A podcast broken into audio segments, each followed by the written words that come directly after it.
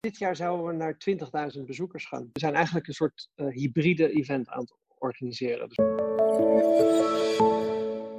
Hey, laten we eens, want we hebben elkaar al heel lang niet meer gesproken, even beginnen met uh, Financial Times. Want ik heb jou, hoe lang is dat geleden, die deal? Uh, iets meer dan een jaar. Oké. En geniet je daar nog van na? Mm, nou, ik weet niet of dat het goede woord is. Um, ik ben wel heel blij natuurlijk dat ik die partnership heb. Uh, juist nu in deze on onzekere tijden is het heel fijn om een sterke partner achter je te hebben. Um, ja. Dus er zijn wel eens momenten dat ik, dat ik denk, jeetje, hoe was dat geweest als ik nu nog onafhankelijk was geweest en bij mijn bestaande aandeelhouders uh, opnieuw financiering had moeten aanvragen? Of uh, ja, hoe, hoe, was dat dan gegaan? ik heb nu een meerderheidsaandeelhouder en een grote, belangrijke. Dus dat, laten we zeggen dat dat ietsje makkelijker is geworden. Um, ja. het, het, het genieten. Kijk, ik zal niet ontkennen dat we de deal wel hebben gevierd. Hè. Dus, dus het moment dat we dat bekend konden maken was heel bijzonder natuurlijk. En uh, ook de eerste dagen daarna, toen we het nog niet bekend konden maken, uh, was er wel echt uh, ja, kroon op mijn werk van, van 14 jaar werken. Um, maar het, het, was ook niet een verkoop in de zin van ik draag de aandelen over en uh, ik ben er niet meer bij. Hè. Het was meer, ik heb mijn oude aandeelhouders ingeruild voor nieuwe aandeelhouders. En die nieuwe aandeelhouders die zijn eigenlijk nog nuttiger. Maar goed, daarna ging het werk eigenlijk gewoon weer verder. Dus het is niet, ik heb niet drie dagen vrijgenomen of zo. Of zelfs maar één dag. Dat, is, dat, is niet, uh, dat was niet aan de orde. Ja. Oké, okay, maar fijne partners so far. Dus een, een kort antwoord in plaats van dat enorme lange. Ja. Even uh, naar de realiteit van vandaag. Uh, wij uh, begeven ons allebei best wel vaak in de wereld van evenementen, om het maar zo te noemen. Ja. Sterker nog, een van jullie belangrijke pijlers, denk ik. Um, hoe, hoe, is, hoe zag de laatste paar maanden eruit bij jou? Nou, een interessant omzwaai natuurlijk. Hè? Iedereen is uh, geforceerd uh, om zich uit die crisis te innoveren. Wij ook. Uh, en ik denk het, het, het lastigste was nog de onzekerheid. Hè? Dus dat je eigenlijk iedere dag weer opnieuw alles aan het peilen bent en aan het kijken bent. Hoe zitten deelnemers erin? Hoe zitten partners erin? Hoe zit de locatie, de regering, de sponsoren, um, en, en, mensen uit het buitenland? Um, en zo moet je iedere dag eigenlijk weer opnieuw besluiten wat is er mogelijk en wat niet. En, en, en ook vandaag nog, ik kom net van een meeting met het managementteam waar we dan proberen te voorspellen, gebaseerd op heel weinig informatie, wanneer denken we dat het weer een beetje gaat herstellen. Hè? Wanneer kun je weer de eerste grootschalige events hebben. En, en dat gaat verder dan alleen uh, wat is toegestaan door de regering. Je, je hebt ook nog een soort collectief trauma natuurlijk. Hè? Dus, dus ik zat zelf altijd pijn. Ik een, eh, een, kennis van uit New York en die zei: Wanneer zie ik je weer? En toen dacht ik: Ja, ik kan me echt niet voorstellen, emotioneel gezien, dat ik nu in een vliegtuig stap. dat, is, dat is nu ondenkbaar eigenlijk. En hoe lang gaat het duren? Wat is er voor nodig voor mij om te denken: Oh, zeg prima, geen probleem. En, en dat soort dingen zijn heel moeilijk te voorspellen. Ik denk dat de hele branche, eigenlijk iedereen die met events werkt, die is nu zo aan het nadenken. Dat je ik hoorde van die verhalen over uh, al die dansfeesten. Hè, dat, ja, het is super interessant om na te denken, om je te verplaatsen in hun mindset. Hè. Dus een, een dansfeest, ja, de hele lol daarvan is dat je een beetje tegen elkaar schurkt uh, op de dansvloer en dezelfde broeierige lucht inademt en, en een biertje ja. deelt met elkaar. En dat je denkt, ja, ga je, is een feest leuk als je anderhalve meter afstand moet houden. Een dansvloer waar anderhalve meter gaten in zit. Dan denk je, oh, nou, het feest is nog niet begonnen. Ik ga, hè? Dus dat, dat is allemaal super interessant. De implicaties van, van zoiets als dit. Ja, heftig hè? Ja. Ja, en, ja. en super interessant ook hoor. Ik denk, uh, iedere crisis is ook uh, opportunity natuurlijk. Hè? En, uh, ik, ik, denk, wat ik bijvoorbeeld weer interessant vind, is, er zijn heel veel kranten natuurlijk oude media, die, die, uh, ja, die hadden papier en dan online. En eigenlijk jaren waren ze een soort in limbo dat ja, ze wilden wel meer online, maar de abonnee wilde het nog niet. Of ze wilden, ja, de abonnee wilde het wel, maar ja, papier zat nog zoveel geld in. En nu is het opeens alsof je, ja, je staat aan de rand van het zwembad, maar je krijgt nu opeens een schop van corona, hop erin en meteen in de diepe ook. En uh, ja, zwemmen of verzuipen. En ergens is dat ook wel ja, ik zal niet, dat het, zeg, niet zeggen dat het goed is of dat ik er blij mee ben, maar ik, ik, als optimist hoop ik dat we over tien jaar terugkijken en zeggen: Wauw, nou dat was toch een stroomverstelling. Oké, dat was even één of twee jaar heel zuur. Mhm, maar mhm. daardoor hebben we wel echt de switch gemaakt. Even voor mijn begrip, hè, want NextWeb is hoeveel mensen, het, het event? Je bedoelt bezoekers? Ja, het normale evenement, ja? Ja, dus dit jaar zouden we naar 20.000 bezoekers gaan. Oh, ja. ja. Het zou juni zijn. Het zou juni zijn en we hebben het nu verplaatst naar oktober. Ja, ja. En, en, en, ook, en wat denk je daar dan van, van oktober? Um, daar zijn we nu naar aan het kijken. Dus ik, eh, we, we mikken nu, we zijn eigenlijk een soort uh, hybride event aan het organiseren. Dus waarbij een groot gedeelte online zou zijn. En dat is eigenlijk heel fijn ook. Hè? Dus we hebben er net eentje gedaan met uh, Financial Times uh, Global Boardroom, waarbij we sprekers hadden um, uh, en, en, mensen konden kijken online. Hadden we meer dan 40.000 kijkers, geloof ik. En dus aan de ene kant is het super aantrekkelijk. Hè? Dat je denkt, hey, wauw, we kunnen offline, maar goed, het is super duur. Je moet mensen eten geven en wc's neerzetten op het terrein en terrein huren en tenten bouwen en stoelen en productie. En nu dat je denkt, oh, nou ja, Ehm, bring your own device. En eh, je mag kijken vanaf je eigen wc. En, eh, en dat werkt eigenlijk ook wel. Dus ik denk, dus, dus ook wij, het is een, uh, ja, er zijn twee kanten aan het verhaal, zeg maar. Dat is super, geeft veel energie, iedereen is er enthousiast over. Tegelijkertijd weet je ook, ja, um, ik vind het gezellig om deze call met jou te doen, maar ik had liever naast je gezeten, gezeten in de studio en dat we zo nog een biertje na kunnen drinken. En, en hè, dus dat live contact, even een omhels, uh, een hand kunnen geven, elkaar in de ogen kunnen kijken. Uh, als je een, deal onderhandelt, zien dat je vingers een klein beetje trillen. Ja, dat is allemaal niet te, te, te repliceren online. Dus, dus we zoeken toch nog naar manieren om misschien kleinschaliger, uh, misschien ook meer gedistribueerd. Dus we, zijn aan het onderzoeken of we niet 100 eventjes kunnen doen met 500 man. En dan verspreid over de hele wereld. Of, of, uh, ja, of, of, misschien een paar eventjes met 5000 man. Of, of misschien nog ontzettend veel meer events met 50 mensen. Hè? Dus uh, al die, ja, je wordt echt gedwongen om alles opnieuw te bedenken.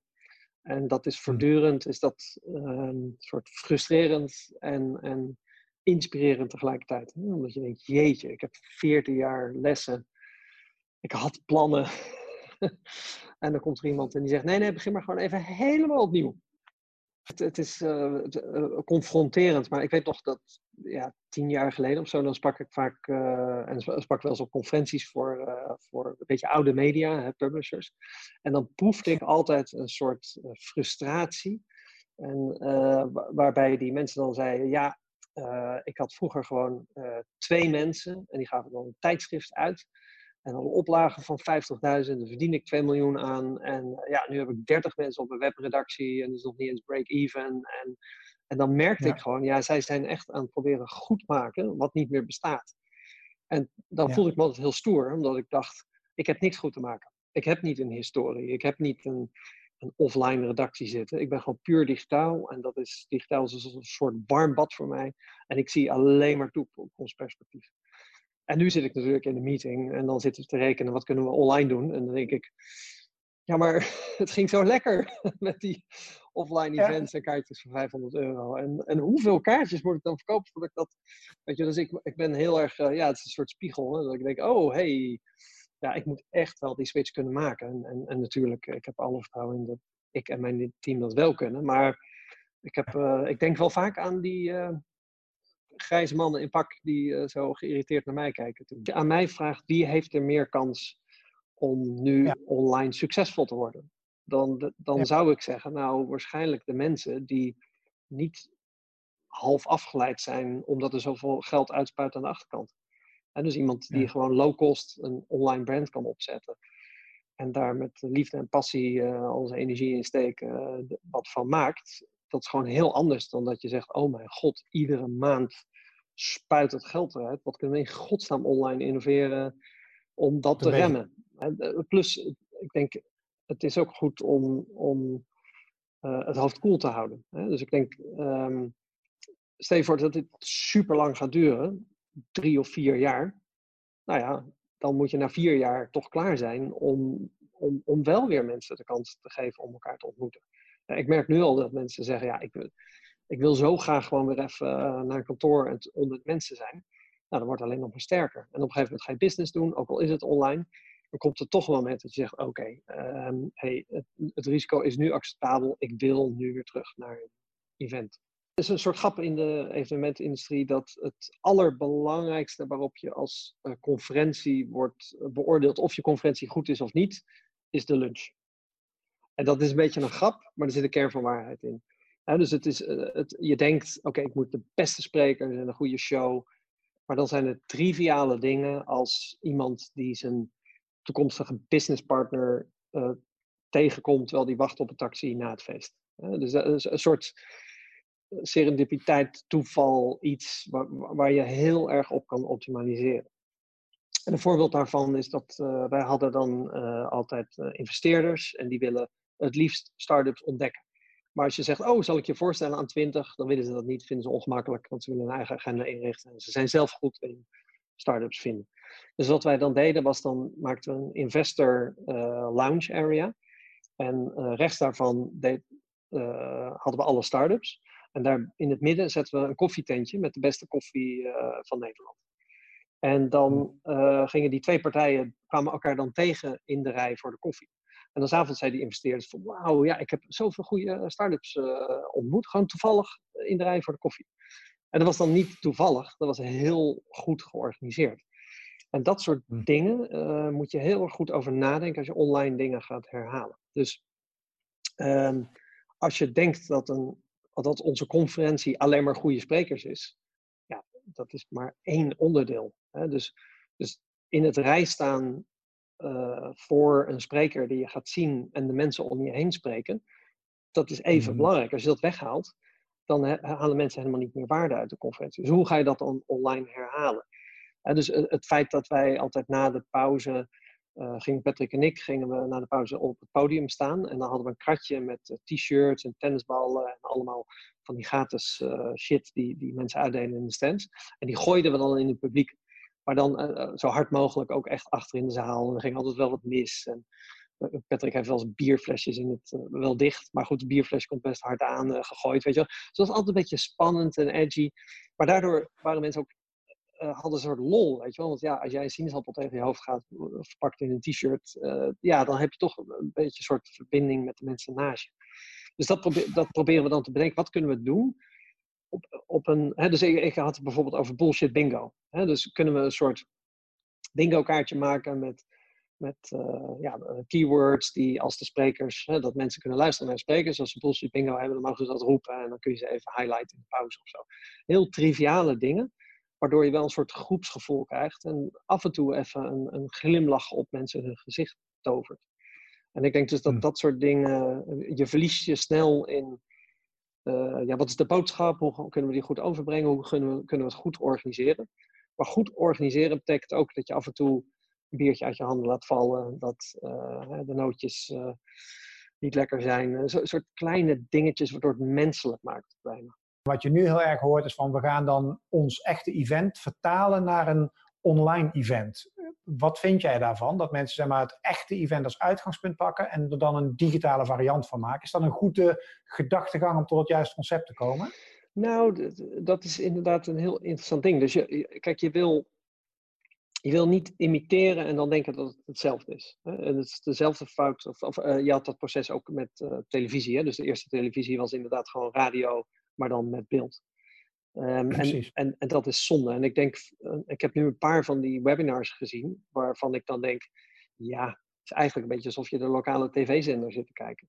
Dus dat, dat is, ja, dat, dat, vind ik dan te weinig uh, eigenlijk. En als je, hm. als je puur gaat recreëren wat je offline hebt, is ook weer niet goed. Maar ik denk dat het ook wel, dat het tegelijkertijd dus heel belangrijk is om te begrijpen, wat halen mensen nou uit zo'n event? Ik heb één voorbeeld daarvan Um, dus misschien wel tien jaar geleden. Een van onze eerste events was een, kwam ik een, eh, eh, eh, een man tegen en toen zei ik, hey, heb je een goede conferentie? En zei ja, echt helemaal top. Toen zei ik, oh, wat vond je de beste spreker? Toen zei hij, ja, ik heb nog niet één spreker gezien. Dat was aan het einde van de tweede dag. En toen zei ik, oh jeetje, ja, maar hoe, hoe kan het dan een goede conferentie zijn? En toen zei hij, jij snapt je publiek niet. Ik spreek hier twintig potentiële partners. Iedere partner levert me ongeveer een ton per jaar op. En ik heb er drie eigenlijk soort geclosed in twee dagen. Dus natuurlijk heb ik een goede conferentie. Snap je? Dus, hm. En ik denk, als je dat soort dingen begint te begrijpen, als je weet waarom komt iemand, hè, dus dan zou het naïef zijn van mij om te zeggen, oh, ik doe de spreek online en dan kun je vanaf huis kun je lekker op de bank in je joggingboek dat gaan kijken en dan heb ik het gekopieerd. Dan, heb, dan ben je gewoon niet goed bezig. Hè? Dus je moet begrijpen wat die mensen, ja, wat, hoe, hoe de waarde zit en hoe je dat, hoe je die waarde ook kan leveren online. Dat, dat is belangrijker dan één op één kopiëren wat je offline hebt naar online. Er zijn twee stromingen. De ene die, die heeft, dat merk je ook wel in gesprekken, denk ik, hè, dat de ene die zegt, ah, dit is een crisis en dat is echt uh, dat zwaar kloten, maar straks dan is het allemaal voorbij en dan, uh, dan eh, de schouders eronder en dan gaan we weer door. En de andere die zegt, dit is een transformatie naar een compleet andere wereld. Op, op de, maar even de twee uitersten. Waar zit jij ergens? Ja, in het midden. Dus ik hoop echt wel dat het een, een, digitale transformatie is en dat we lessen leren. Ik zou het super jammer vinden als we straks weer teruggaan naar hoe het was. Dan denk ik, jeetje, never waste a good crisis. Het is zo'n mooi moment om, om doorbraak te maken, om nieuwe dingen te leren, om, om, om te experimenteren. Je hebt geen keus. Dit is het moment om te experimenteren, want we gaan er toch allemaal aan. Um, dus dat, ik zou het super jammer vinden als het teruggaat naar het oude. Ik denk dat uh, alles wordt anders. Dan denk ik, nou, kijk, niet alles was fout. Hè? De, uh, maar uh, nee, ja, ik, ik, ik, ik, ja, ik ben een optimist natuurlijk. Uh, maar ik, ik heb vol sterk dat we over een paar jaar terugkijken en dat we zeggen: wauw, oké, hey, dat was zuur. Weet je wel, weet je nog? Wauw, ja, nee, inderdaad. Dat was even, eh, die twee jaar waren pittig. Maar moet je eens kijken waar we nu staan. Dankzij die, uh, na een overstroming blijft er ook altijd vruchtbare grond uh, over. Uh, vulkaanuitbarsting is ook altijd geweldig voor de natuur. Weet je wel. Dus ik denk, zo'n crisis moet je toch goed kunnen aanwenden. Het zure is dat je weet dat niet iedereen dat zal kunnen. En dat er, dat, het is natuurlijk een, uh, ik heb denk ik de luxe dat ik optimistisch kan zijn. Ik, heb, ik, heb, uh, ik zit in een bedrijf wat eigenlijk al 14 jaar naartoe aan het werk is. Ik, ik zit in een positie dat ik een sterke partner achter me heb. Uh, die weer een sterke partner achter zich heeft. Al die pantsbedrijven is die super toekomstgericht zijn. Hè? Dus bij, ja, mijn aandeelhouder die, die vraagt niet naar de korte termijn. Die wil zeggen, ja, en als ze praten over de korte termijn, dan zeggen ze goed. Maar wat is daarvan de impact op je lange termijn strategie? Ja, dat is heerlijk om, om zo'n gesprek te kunnen hebben. Dat je zegt van, nou ja, wij denken de komende twee jaar wordt heel pittig.